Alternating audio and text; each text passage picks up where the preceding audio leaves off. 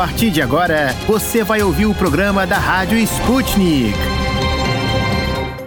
Olá, queridos ouvintes. Meu nome é Ana Liv Esteves e eu tô aqui com meu colega Pablo Rodrigues para comandar mais um programa da Rádio Sputnik diretamente de Moscou. Saudações, queridos ouvintes! É um prazer contar com a audiência de vocês nesta quinta-feira, 23 de dezembro. É véspera da véspera de Natal, queridos ouvintes. Que alegria!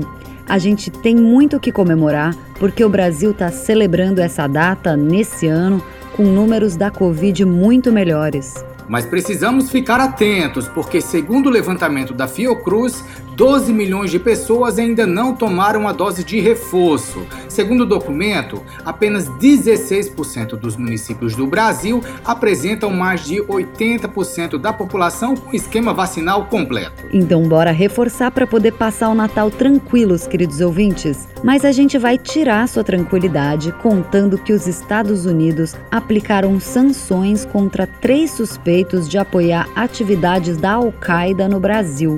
Exatamente. O Departamento do Tesouro dos Estados Unidos identificou três pessoas do nosso país que estariam fornecendo apoio financeiro para a Al-Qaeda, que é uma organização terrorista proibida na Rússia e em outros países. E lá nos Estados Unidos o clima está quente.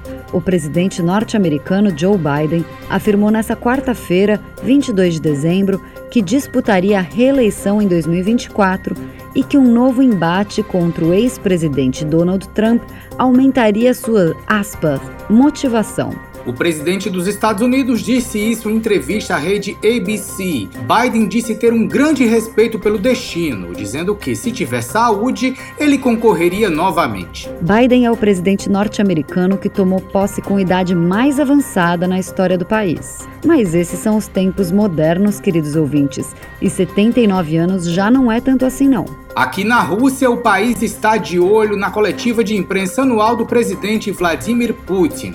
Nossos colegas estão entre os 500 jornalistas e repórteres reunidos em Manejo que é um centro de convenções muito bonito que fica na frente do Kremlin. Para entrar lá não tá nada fácil, precisa de teste de PCR, observar protocolos de segurança, muita coisa. Mas vocês, queridos ouvintes, podem acompanhar os melhores momentos da conferência do Putin na tranquilidade da sua casa no canal da Sputnik Brasil no YouTube. Fiquem ligados, mas vamos lá ver o que mais a gente preparou para o nosso programa de hoje. E no programa de hoje. No Destrinchando a Charada Brasil de hoje, vamos falar sobre a expectativa do turismo para as festas de final de ano. No Esqueceram de Mim em Portugal, vamos ouvir falar sobre caviar português. No Destrinchando a Charada Internacional, vamos falar sobre o recente boicote europeu às carnes nacionais. Será que o Brasil vai sentir o impacto? O Mistura do Brasil com Moscou vai anunciar a miniatura Inúbia do Caboclinho, do compositor César Guerra Peixe, e bater um papo com o regente Júlio Medalha.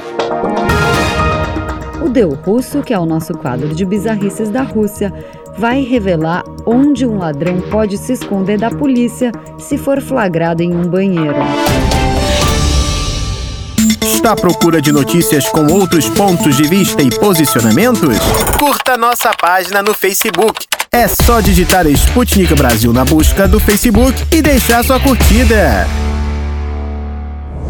Destrinchando a charada.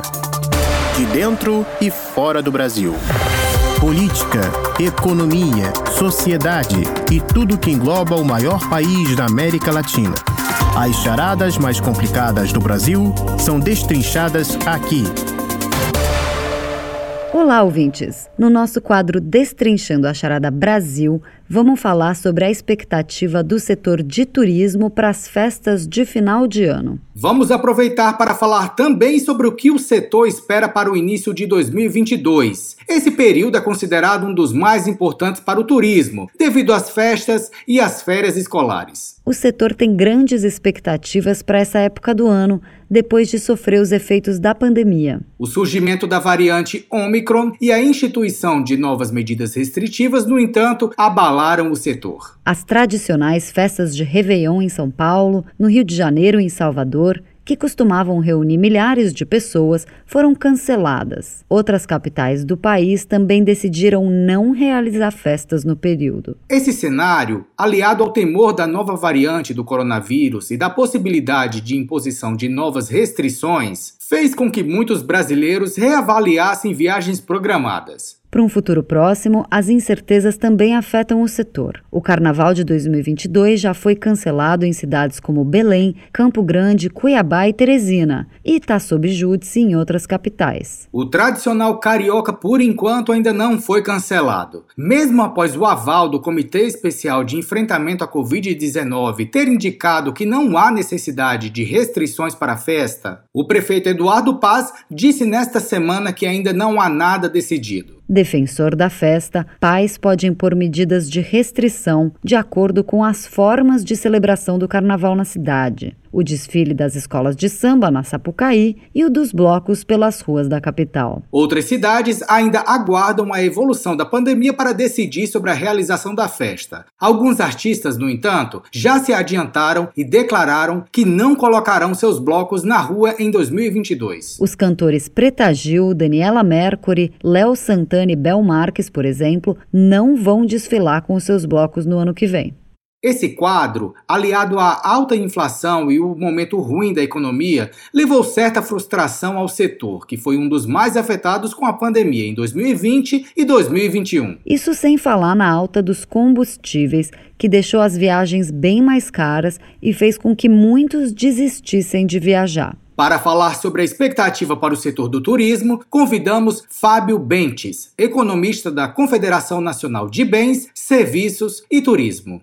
Fábio, muito obrigada pela sua participação aqui na Rádio Sputnik. Com todas essas questões que surgiram em relação ao surgimento da variante Omicron, qual é a expectativa do setor de turismo para as festas de final de ano e início de 2022? Bom, a expectativa para o final de 2021 é uma expectativa ainda positiva. A gente percebe no setor de turismo um grau de dependência muito grande da retirada das medidas restritivas, do aumento da circulação e, em última instância, do avanço da vacinação. E, nesse sentido, o Brasil contratou um seguro. Ao vacinar aí dois terços da população adulta, isso permitiu que o setor tivesse um final de ano bem mais positivo do que o final de ano passado, né? O final de 2020, a gente estava vivendo a segunda onda da pandemia. Para 2022, a tendência é que o setor continue com uma recuperação gradual. Claro que essa recuperação depende muito da gente não reverter o quadro da crise sanitária. Né? A variante Ômicron, por exemplo,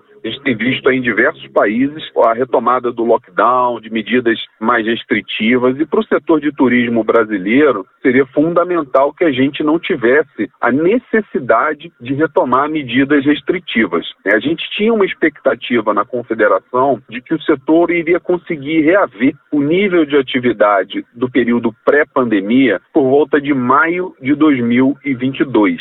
Acontece que com o avanço da pandemia no exterior, principalmente, com o aumento do número de casos, é bem provável que o setor não vislumbre um cenário tão positivo quanto anteriormente esperado. A gente projeta hoje essa retomada do nível de atividade no setor de turismo para o segundo semestre do próximo ano. Ali por volta de agosto, a gente acredita que o setor vai conseguir operar novamente a plena capacidade. Isso vai ser muito importante porque ao longo dessa pandemia, setor de turismo teve um prejuízo acumulado de mais de 450 bilhões de reais. Isso equivale a 10 meses de faturamento do setor. Se a gente tiver como referência que a pandemia já dura aí aproximadamente 20 meses, um pouco mais, é como se o setor tivesse perdido 10 meses de faturamento ao longo da pandemia. Só que o cenário recente é um cenário menos negativo do que foi aquele da primeira onda e da segunda onda da pandemia. Então, esses, esses cancelamentos né, de eventos importantes para o setor, de certa forma, freiam um pouco o ritmo dessa recuperação e para o ano que vem a expectativa expectativa de que a gente consiga continuar avançando na vacinação para não ter que recorrer novamente a esse tipo de medida por períodos muito prolongados. Sem dúvida, o turismo foi uma das áreas mais afetadas pela pandemia e que teve que se adaptar para sobreviver desde a chegada do novo coronavírus para o Brasil. Esse cenário deixou o setor mais preparado para atuar nesse momento de propagação de uma nova variante? Sem dúvida, houve houve uma curva de aprendizado né, ao longo da pandemia. Acontece que no caso do setor de serviços, por mais que a gente tenha adotado protocolos que não tínhamos antes da pandemia naturalmente, a situação de retomada do setor já começa a esbarrar também em condições econômicas. A gente está com uma taxa de desemprego muito alta, com encarecimento do crédito e com uma inflação muito elevada. Então, essa retomada da circulação de turistas, a retomada do circuito de eventos no Brasil, ela já se deu parcialmente. E a gente precisa continuar avançando com a vacinação para que a gente não precise tomar essas medidas novamente e reverter os ganhos que a gente teve, especialmente depois da segunda onda da pandemia. Se a gente tiver ali como referência março, abril desse ano de 2021, o faturamento, o volume de receitas do setor de turismo já avançou aproximadamente 54%. Claro que ainda tem muito o que recuperar, o, o potencial hoje de geração de receitas do setor. Na verdade, a geração de receitas do setor está cerca de 19% abaixo do potencial. Então, é preciso organizar a economia para que o setor tenha condições de se reerguer o quanto antes e é preciso, naturalmente, evitar o avanço da pandemia no Brasil. Não tem medida mais eficiente para isso do que a vacinação da população. Os protocolos ajudaram e vão continuar ajudando para que a população se sinta segura na retomada dos gastos com serviços turísticos, mas a gente precisa manter aí o foco no controle da crise sanitária para evitar sustos ao longo de 2022, quando o setor espera que irá conseguir retomar ao pleno nível de atividade econômica. Além das restrições em função da pandemia, o cenário econômico não está nada favorável para os brasileiros. Fábio, esse quadro afeta a movimentação do setor? Bem, vem impactando o setor de turismo nos últimos dois meses, por exemplo, setembro, outubro, os últimos meses que nós temos informações, o setor experimentou quedas, o que não acontecia há bastante tempo. E a queda nesse faturamento, no volume de receitas do setor, esbarra já em condições econômicas menos favoráveis. Você contratar um serviço turístico, um pacote turístico, muitas famílias recorrem ao financiamento. E a taxa de juros média, e no final do ano passado estava em 37%, hoje, no final de 2021, está se aproximando de 45%.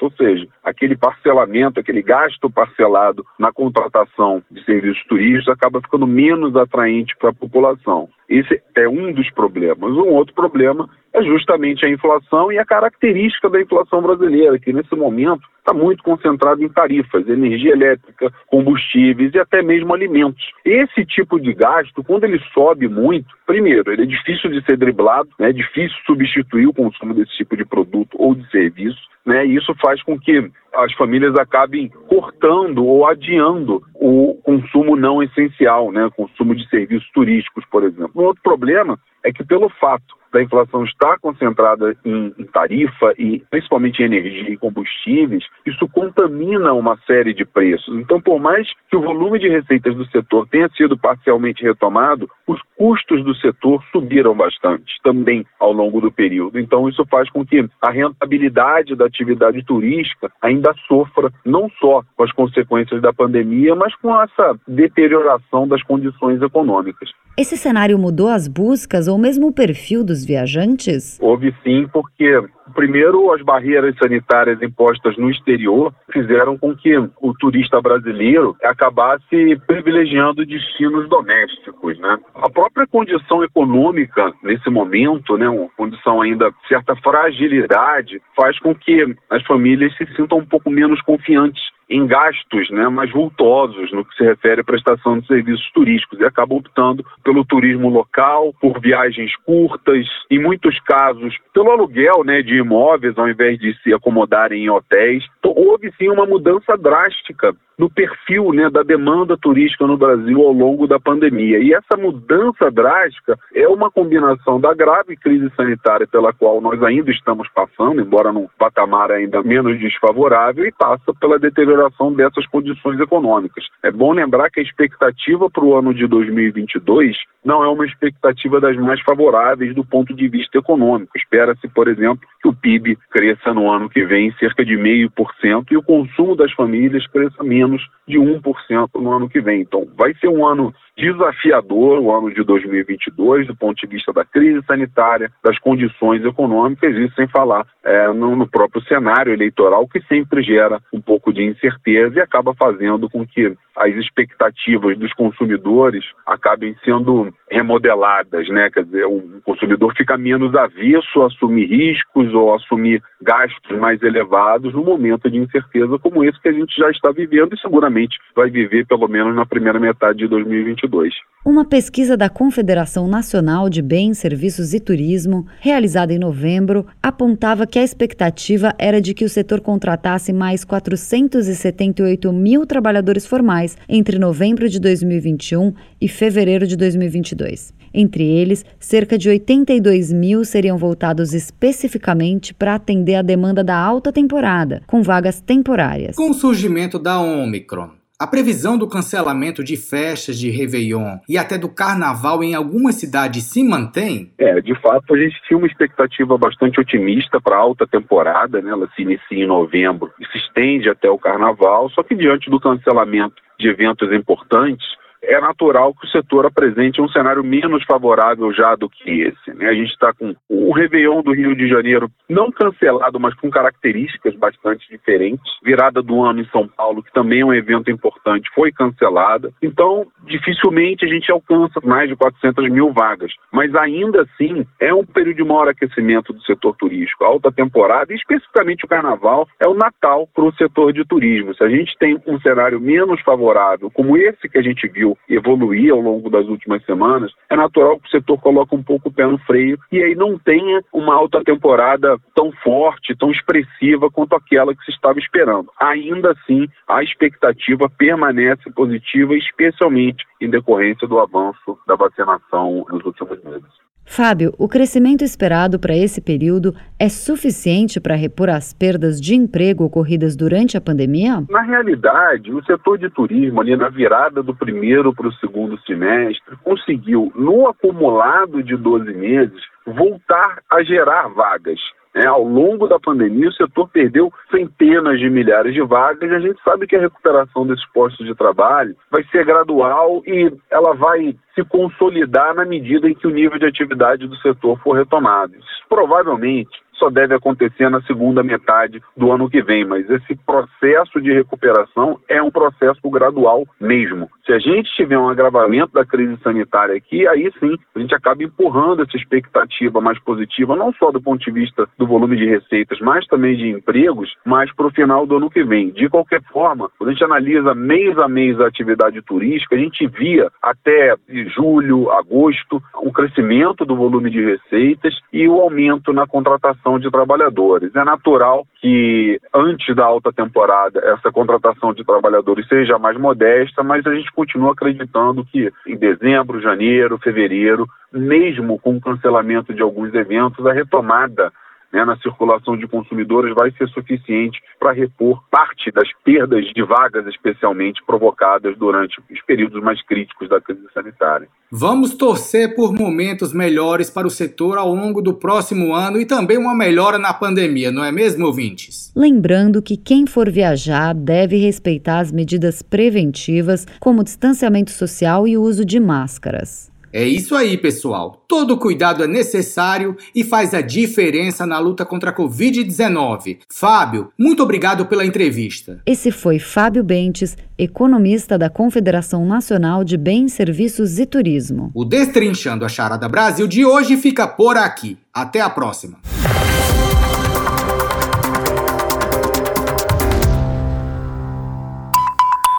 Para ficar por dentro de todas as novidades, tanto mundiais como brasileiras, se inscreva no nosso canal do Telegram.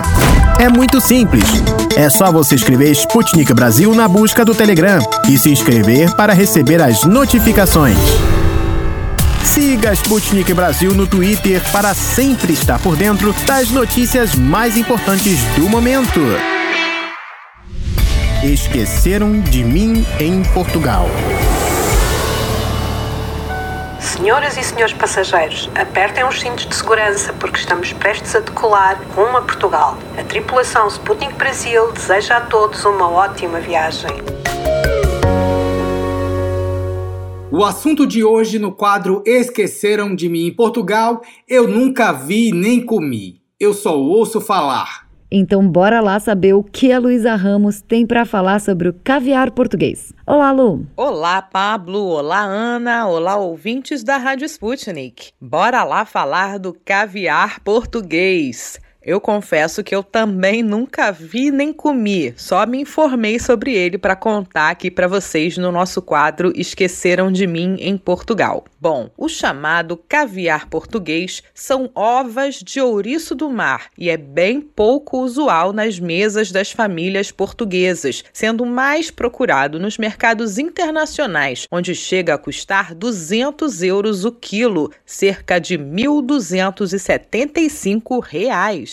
Em entrevista à agência Lusa, o Tiago Verdelhos, que é investigador do Centro de Ciências do Mar e do Ambiente da Universidade de Coimbra, disse que a iguaria é mais conhecida nas zonas de Viana do Castelo, Peniche e Ericeira, sendo que em Ericeira, uma vila turística situada a 35 quilômetros do centro da capital Lisboa, tem até um festival gastronômico de produtos de ouriço do mar. O investigador que coordenou processos de produção de ouriço do mar explicou que o mercado atual não fornece grandes quantidades e, por isso, ele encabeçou um projeto de aquacultura para a espécie. Ele disse, aspas, já houve praias onde o estoque de ouriço do mar foi completamente esgotado e depois houve que tomar medidas para evitar a apanha, para que o sistema pudesse se recuperar. Bom, pessoal, eu dei uma pesquisada nas imagens dessa iguaria Bahia e as ovas de ouriço têm cor amarela ou laranja. Não são lá tão apetitosas visualmente, mas pelo preço,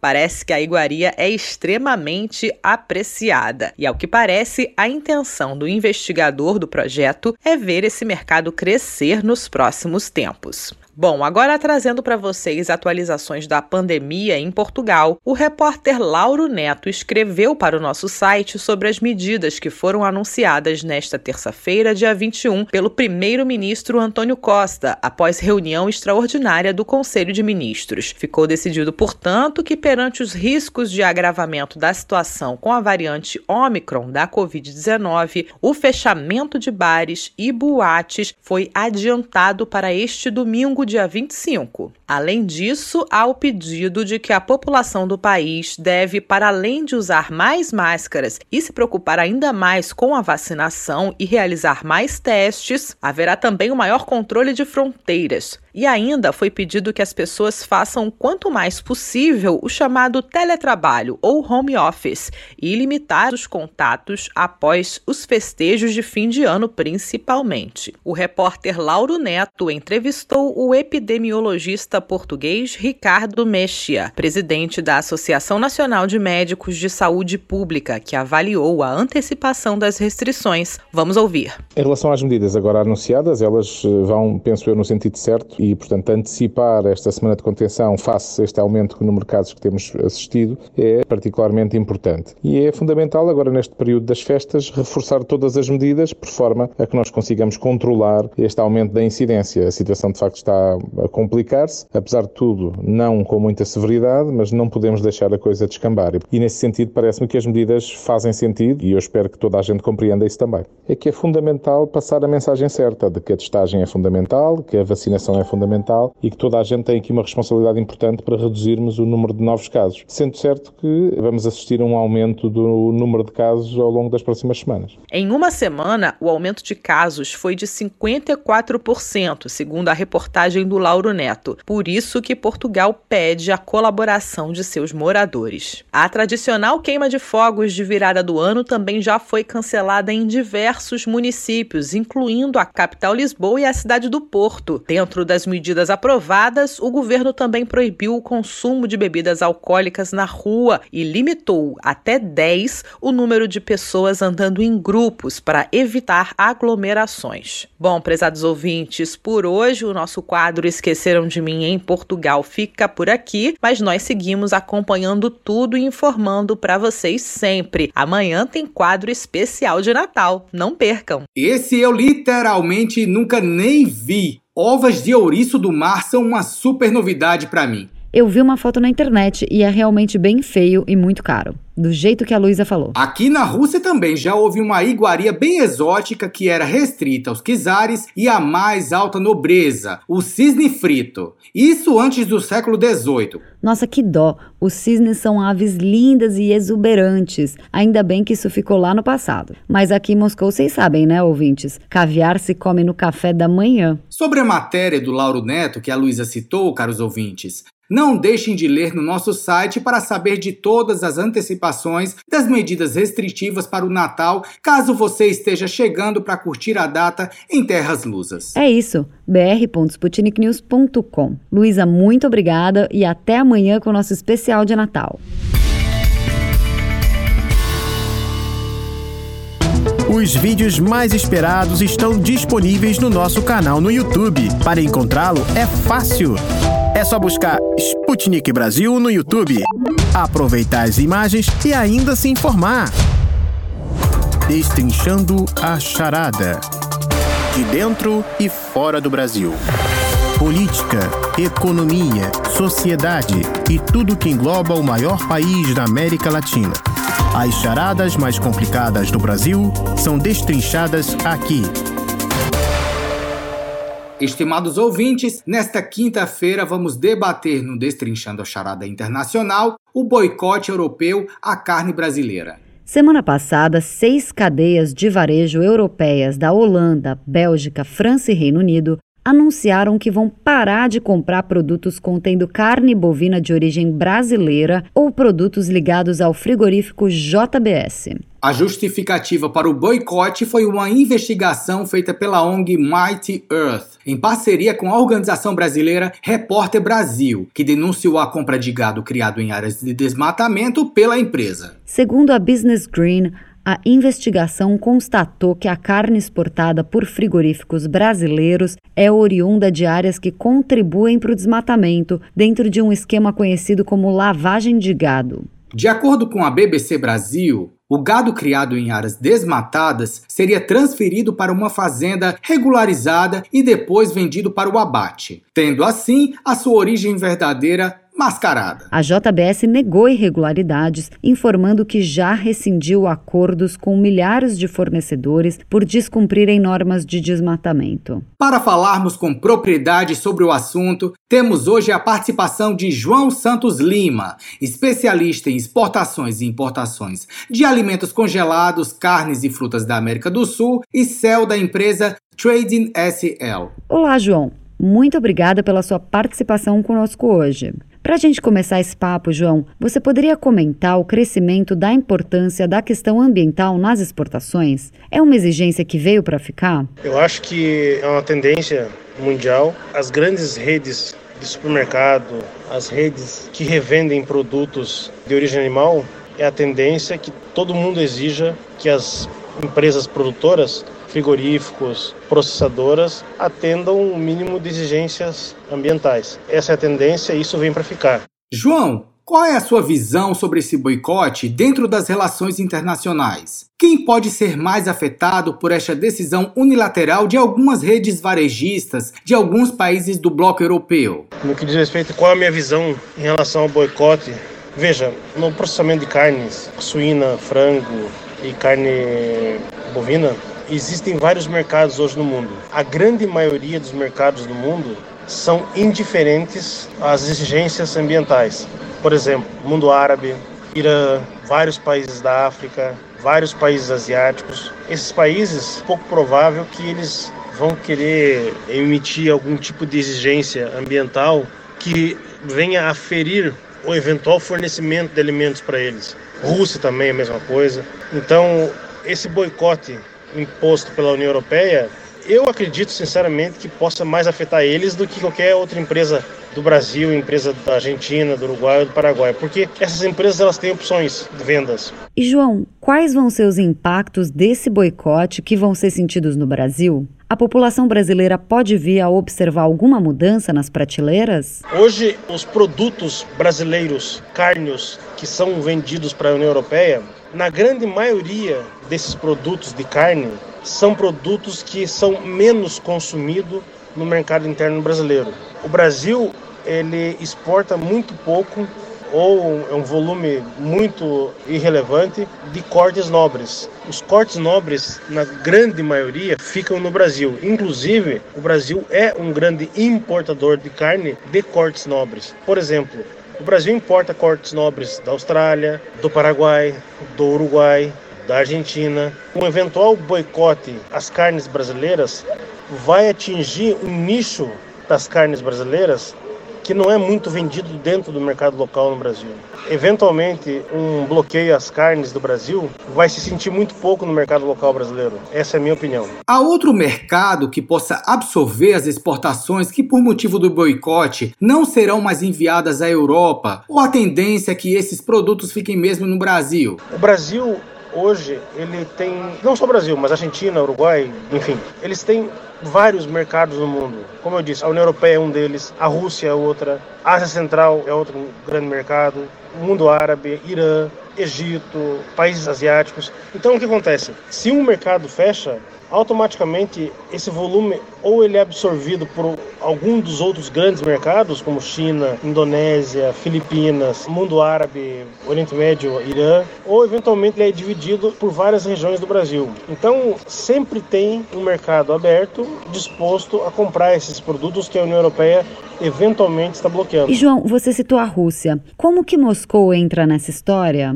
João, você acha que a Rússia pode aceitar a carne brasileira mesmo diante de acusações de irregularidades ambientais? O que a Rússia poderia fazer? Poderia comprar produtos que eventualmente a União Europeia julgue que sejam de procedência irregular. Como eu disse, países grandes importadores como Irã, Egito, vários outros países do Oriente Médio, China, Filipinas, Indonésia, Rússia, Cazaquistão. Para esses países, eu diria que é quase que indiferente como esses produtos são produzidos, em quais condições, eu quero dizer, em quais condições referente ao meio ambiente. Para esses países o que importa é preço. Se o preço do produto é bom o suficiente para que quem está comprando consiga fazer dinheiro e consiga ter acessibilidade nos mercados que atendem, é indiferente para eles quais são as exigências, quais são os critérios ambientais do Brasil. O que importa para eles é preço. Sempre o preço é muito mais importante. Entendi, João. Agora sobre os frigoríficos envolvidos nas acusações de lavagem de gado. As empresas negam as irregularidades e se defendem. Mesmo assim, o boicote europeu avança.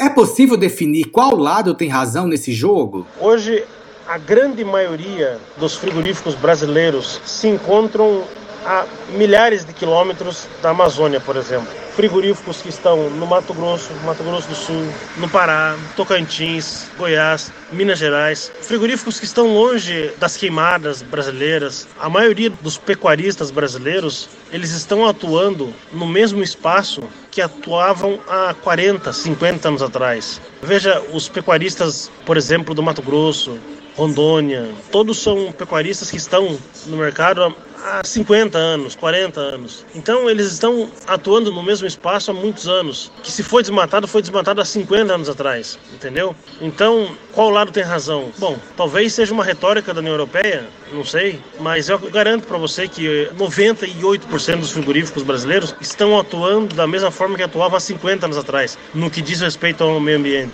Na sua análise, João, é possível que essa seja uma forma de pressionar a transparência dos processos de produção brasileiros e proteger o meio ambiente? Ou a gente pode falar aqui de protecionismo do mercado europeu? Na minha opinião, é muito mais um protecionismo europeu do que uma exigência para que o Brasil siga regras ambientais. É muito fácil para uma comunidade, no caso a comunidade da União Europeia, dizer que o Brasil não está atendendo exigências ambientais e dessa forma podendo proteger produtores locais da França, da Alemanha, da Espanha, do que reconhecer que o Brasil possa estar atendendo, mas o preço brasileiro, a qualidade brasileira supera o produto europeu. Para mim, pode ser muito mais um protecionismo do que realmente uma proteção ao meio ambiente. João, você acha que essa postura da União Europeia pode influenciar outros mercados a rejeitarem exportações brasileiras de carnes ou de outros produtos? Não, eu não acho que outros mercados seriam ou serão influenciados pela decisão da União Europeia.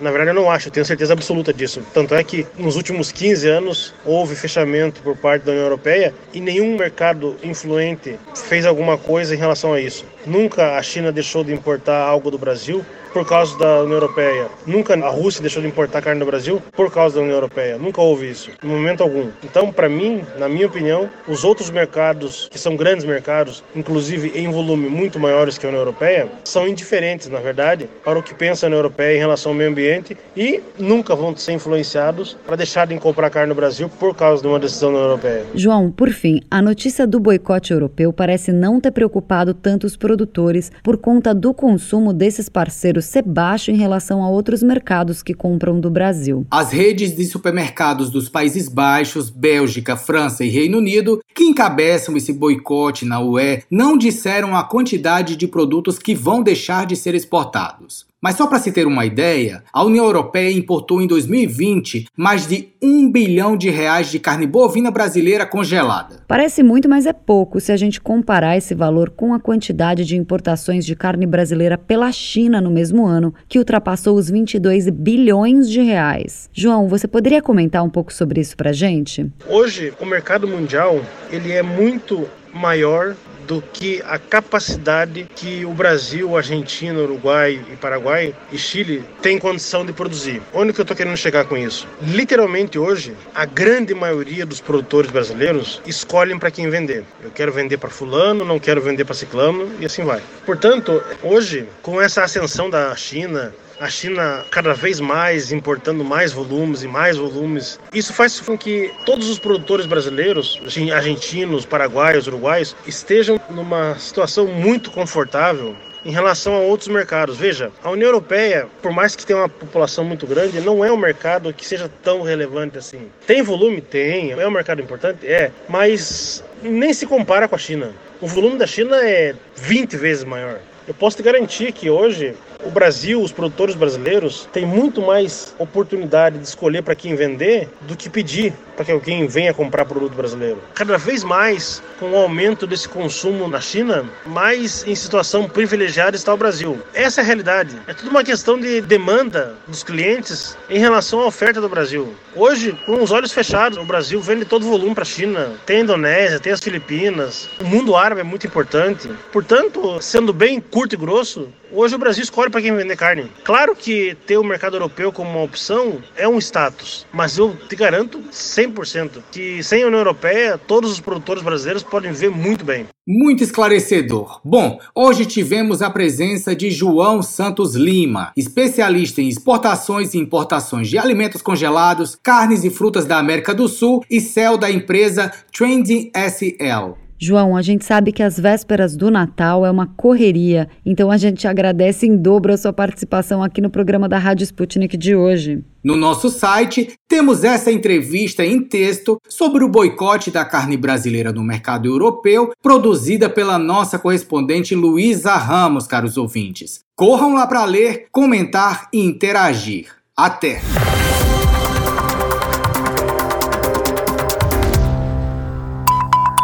Para ficar por dentro de todas as novidades, tanto mundiais como brasileiras, se inscreva no nosso canal do Telegram. É muito simples. É só você escrever Sputnik Brasil na busca do Telegram e se inscrever para receber as notificações. Mistura do Brasil com Moscou. A mistura agora é com a Rússia e a coreografia já está pronta. Com os gingados russos e brasileiros, as relações estão em sintonia entre estes dois gigantes.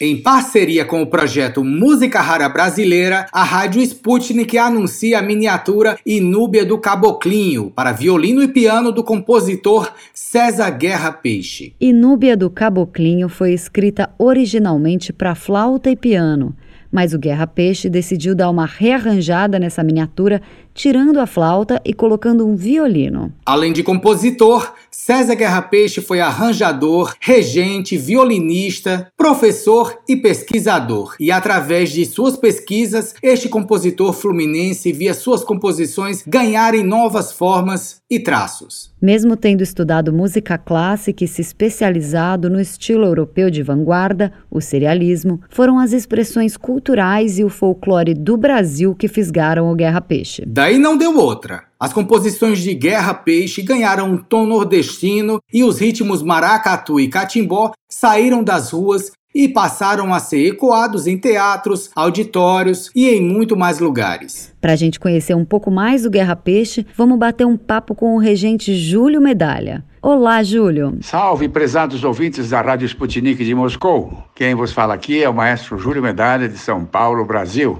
Sou um maestro sinfônico formado na Escola Superior de Música da Universidade de Freiburg, na Alemanha. Eu trabalho aqui na Rádio Cultura de São Paulo, onde faço um programa diariamente há quase 30 anos já. E na TV Cultura, onde dirijo a Sinfônica, num programa chamado Prelúdio, orientado para jovens músicos. Grande Júlio Medalha, é um prazer te receber aqui na Rádio Sputnik. Júlio, sabemos que você é um compositor de peso. Poderia dizer aos nossos ouvintes quantas composições você já criou? Outra coisa, você já publicou vários livros, correto? Eu compus mais de uma centena de trilhas sonoras para cinema, teatro e televisão. Tenho arranjos e composições minhas gravadas pelos músicos da Filarmônica de Berlim. Tenho também seis livros publicados. Júlio, tendo sido amigo pessoal do Guerra Peixe, quem foi esse compositor fluminense? César Guerra Peixe foi um dos grandes músicos brasileiros do século XX. Além de grande formação musical, ele foi arranjador das orquestras de rádio que havia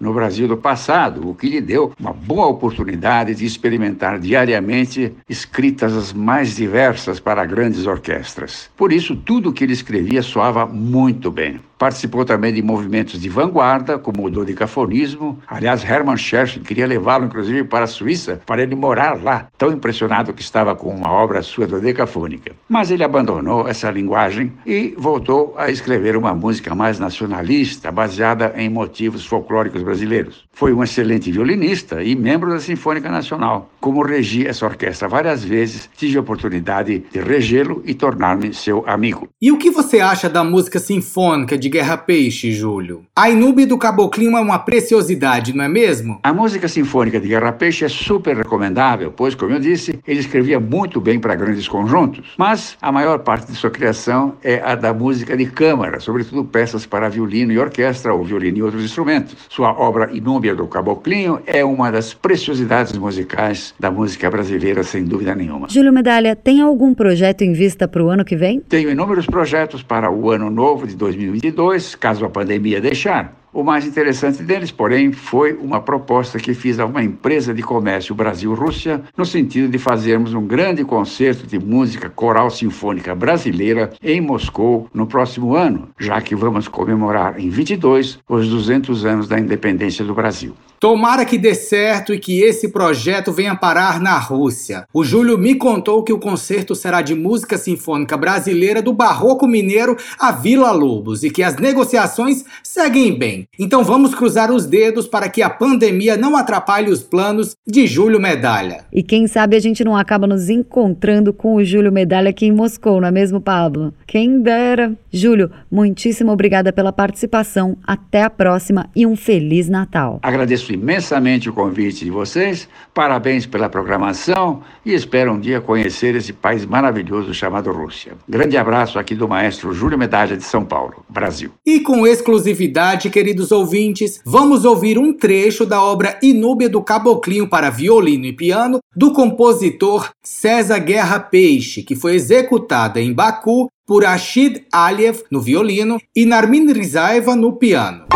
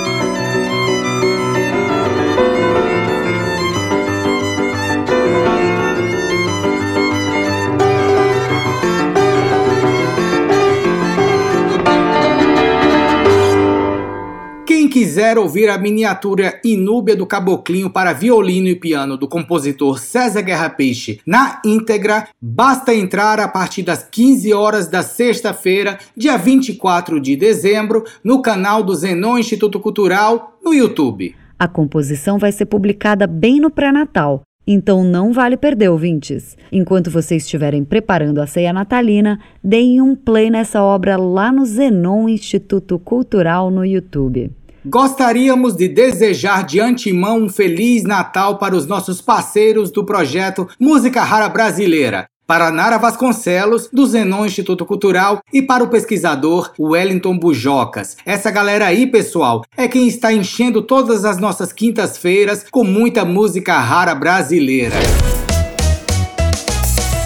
O inverno com nevascas e mais nevascas aqui em Moscou e minha cabeça, queridos ouvintes em um lugar bem distante, em outra estação. Eu só penso é no verão de São Petersburgo. Que cidade linda, não é mesmo, Ana? Com certeza. São Petersburgo é incrível, principalmente no verão, quando tem as noites brancas, que é quando a cidade literalmente não dorme. E quando me vem à cabeça São Petersburgo, eu já me lembro da Copa do Mundo de Futebol, que foi realizada aqui na Rússia em 2018 e teve São Petersburgo como uma das cidades sede. Verdade, Pablo. Você já viajou para lá na época da Copa, não foi? Justamente, a Sputnik Brasil me mandou para lá para sondar o que estava acontecendo em época de Copa e olha, tinha muito brasileiro. E um deles era a estudante de história Giovana de Oliveira, que na época estava morando na Rússia. Vamos conversar com ela? Olá, Giovana. Всем привет. Olá a todos! Um privê também à Rádio Sputnik, que eu quero agradecer desde já pelo convite. Eu sou a Giovana de Oliveira, moro aqui na região da ABC Paulista e sou estudante de licenciatura e bacharelado em História pela Fundação Santo André, uma faculdade histórica aqui da nossa região.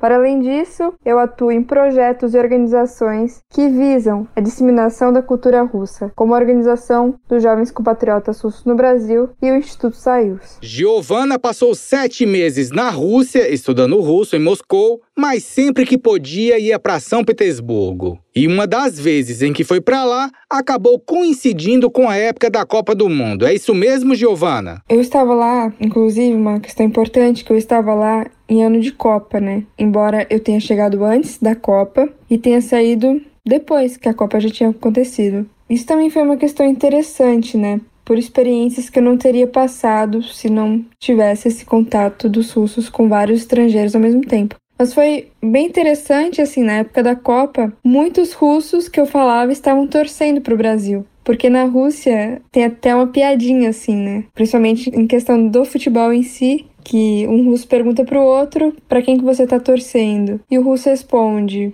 Rússia. Claro, pela Rússia. Mas aí o outro russo vai falar: Ok, mas depois que a Rússia perder, para quem de fato você está torcendo? E aí eu via que muita gente estava torcendo para o Brasil mesmo, né? Isso foi uma coisa muito legal. E quando eu saía com a bandeira do Brasil era fenomenal, porque várias pessoas paravam assim, pediram fotos para tirar. Eu falava em russo e eles ficavam impressionados, eles gostavam muito. Falavam: "Nossa, você sabe russo, né?" Enfim, foi uma experiência sensacional nessa época de Copa e principalmente mostrar que eu era do Brasil, uma questão bem relevante aí de como os russos gostam do Brasil. Enfim, foram experiências bem bacanas, algumas, outras como essa que eu contei de São Petersburgo, outras piores, né, assim, de casos de hostilidade mesmo em Moscou ou em São Petersburgo, também passei por algumas, mas que no final me trouxeram bastante experiência no geral. Há muitas e muitas histórias, com certeza. Olha só, Giovana. E nós queremos ouvir mais e mais relatos seus passados aqui na Rússia, hein? Em relação ao futebol, a Giovana falou tudo. Os russos adoram futebol e muitos deles torcem pelo Brasil. Não é à toa que os times daqui contratam jogadores brasileiros. Só não sei se gostam mais do futebol do Brasil ou dos brasileiros, porque uns amigos meus estavam em São Petersburgo também em época de Copa e eles saíam com a bandeira do Brasil pelas ruas e os russos faziam uma festa. Pediam fotos, perguntavam de onde eles são e o que estavam fazendo na Rússia, tipo essas coisas. E não é só em São Petersburgo, não. Nas outras cidades sede da Copa do Mundo era a mesma coisa. E aqui na capital russa, Giovana? Você que passou sete meses aqui em Moscou, não pensa em voltar para a Rússia? Eu pretendo ainda voltar para a Rússia. Penso em fazer uma pós-graduação, né? Por exemplo, me aprofundando na história da Rússia, Gostaria de fazer em São Petersburgo, né? Mas, sei lá, se estivesse em alguma cidade mais afastada também, por que não, né? Eu só não acho que eu gostaria de estudar novamente em Moscou. É claro que se tivesse oportunidade seria bom, mas queria passar um tempo em outras cidades, né, para conhecer mais até do povo russo, né? Porque os próprios russos falam que Moscou é uma coisa, né? O resto da Rússia é muito diferente, né? Então eu gostaria bastante de ficar em outra cidade que não Moscou dessa vez, né? Tem razão, Giovana. Moscou é um mundo à parte e muitos russos dizem que São Petersburgo também é. Mas seria bacana morar num município russo mais afastado das grandes cidades. Giovana, muito obrigado por dividir um pouco de suas experiências na Rússia com a gente da Rádio Sputnik. Por fim, depois de falar tanto, eu gostaria de agradecer novamente a Rádio Sputnik pelo convite Spasiba. Gostaria de agradecer também o Matheus Gussiev, que graças a ele eu estou falando aqui na rádio. Também pelos vários projetos que nós desenvolvemos juntos, incluindo o Instituto Saius. Também gostaria de agradecer a minha mãe, porque sem ela nada disso seria possível, meu sonho de ir à Rússia, o meu estudo do idioma, nada. Então, obrigada por tudo, mãe. E os meus amigos russos, Artyom, Vladimir e dentre outros, que me ajudaram muito no período que eu estive na Rússia. E não só os russos, como outros que eu conheci lá, como Jap e Ardelino, meus amigos moçambicanos. Então, muito obrigada, spasiba большое e das vidania. Até logo. Desejamos muito sucesso para você, Giovana de Oliveira. Um abraço forte. Está à procura de notícias com outros pontos de vista e posicionamentos? Curta nossa página no Facebook. É só digitar Sputnik Brasil na busca do Facebook e deixar sua curtida. Não se esqueça de ler, curtir e comentar nossas matérias no site br.sputniknews.com.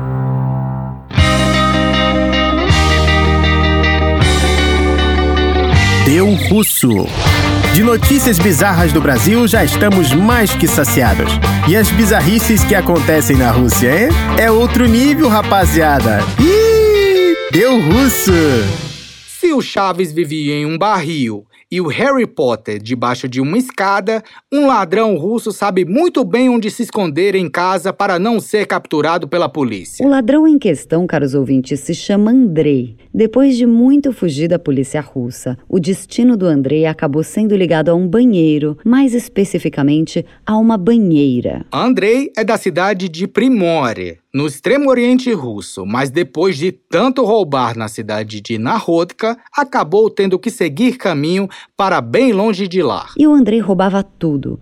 Nada passava despercebido nos olhos desse russo. Notebook, bolsa, celular, tudo agradava o Andrei. Os roubos foram tantos que até mesmo na lista federal de procurados, esse russo de Narodka figurava. Todos os policiais estavam animados para conseguir capturar esse fujão. O Andrei chegava numa nova cidade e já começava a roubar. Como ele não tinha onde morar, esse russo sempre se aproximava de uma mulher que morasse sozinha, jogava a lábia para cima dela e conseguia passar um tempinho na casa dela até se mudar para um outro município. No extremo oriente russo, André é conhecido e a fama dele não é só em cidade pequena, não. As câmeras sempre pegavam André em ação, até porque esse russo nem máscara usava na hora de roubar. Quando a vontade de pegar alguma coisa alheia chegava, Andrei, muito na cara dura, se aproximava, pegava e ia embora. Com muitas provas contra o Andrei, a polícia russa começou a seguir o rastro desse russo. Assim que uma câmera flagrava esse ladrão em ação, os policiais já começavam a procurar ele nos arredores. Algumas cidades foram necessárias e muitos roubos foram executados por Andrei para a polícia conseguir se aproximar dele.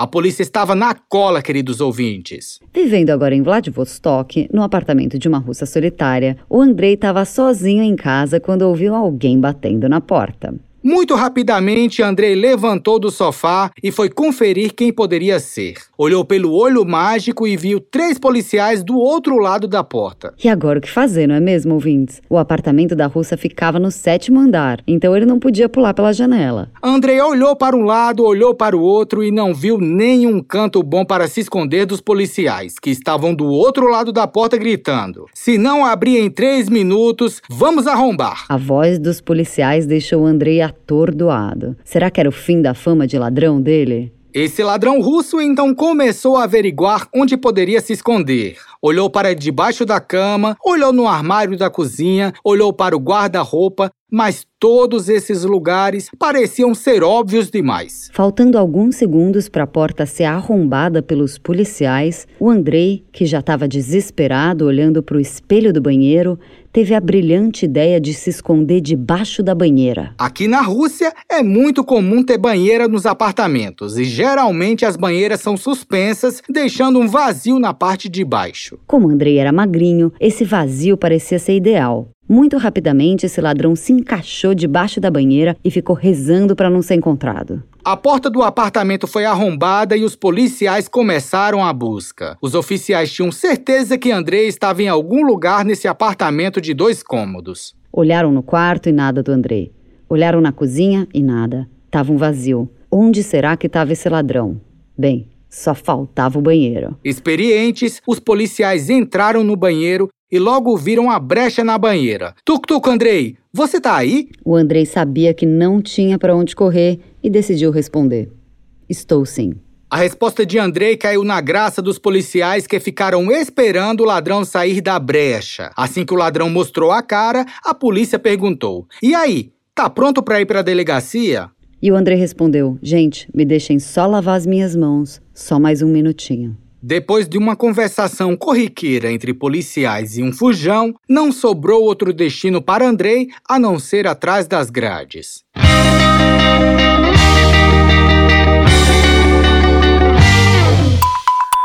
Para ficar por dentro de todas as novidades, tanto mundiais como brasileiras, se inscreva no nosso canal do Telegram. É muito simples. É só você escrever Sputnik Brasil na busca do Telegram e se inscrever para receber as notificações. Hora de dar tchau.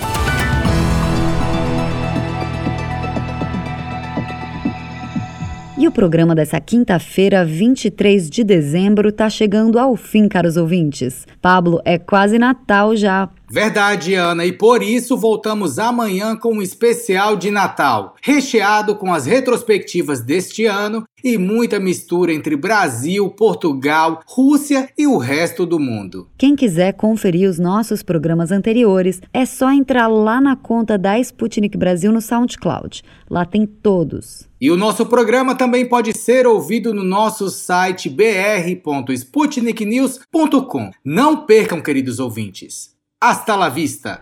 O programa da Rádio Sputnik teve apresentação, produção e edição de texto de Ana Liv Esteves e Pablo Rodrigues, produção de conteúdos e edição de textos de Everton Maia, Luísa Ramos e Tito da Silva.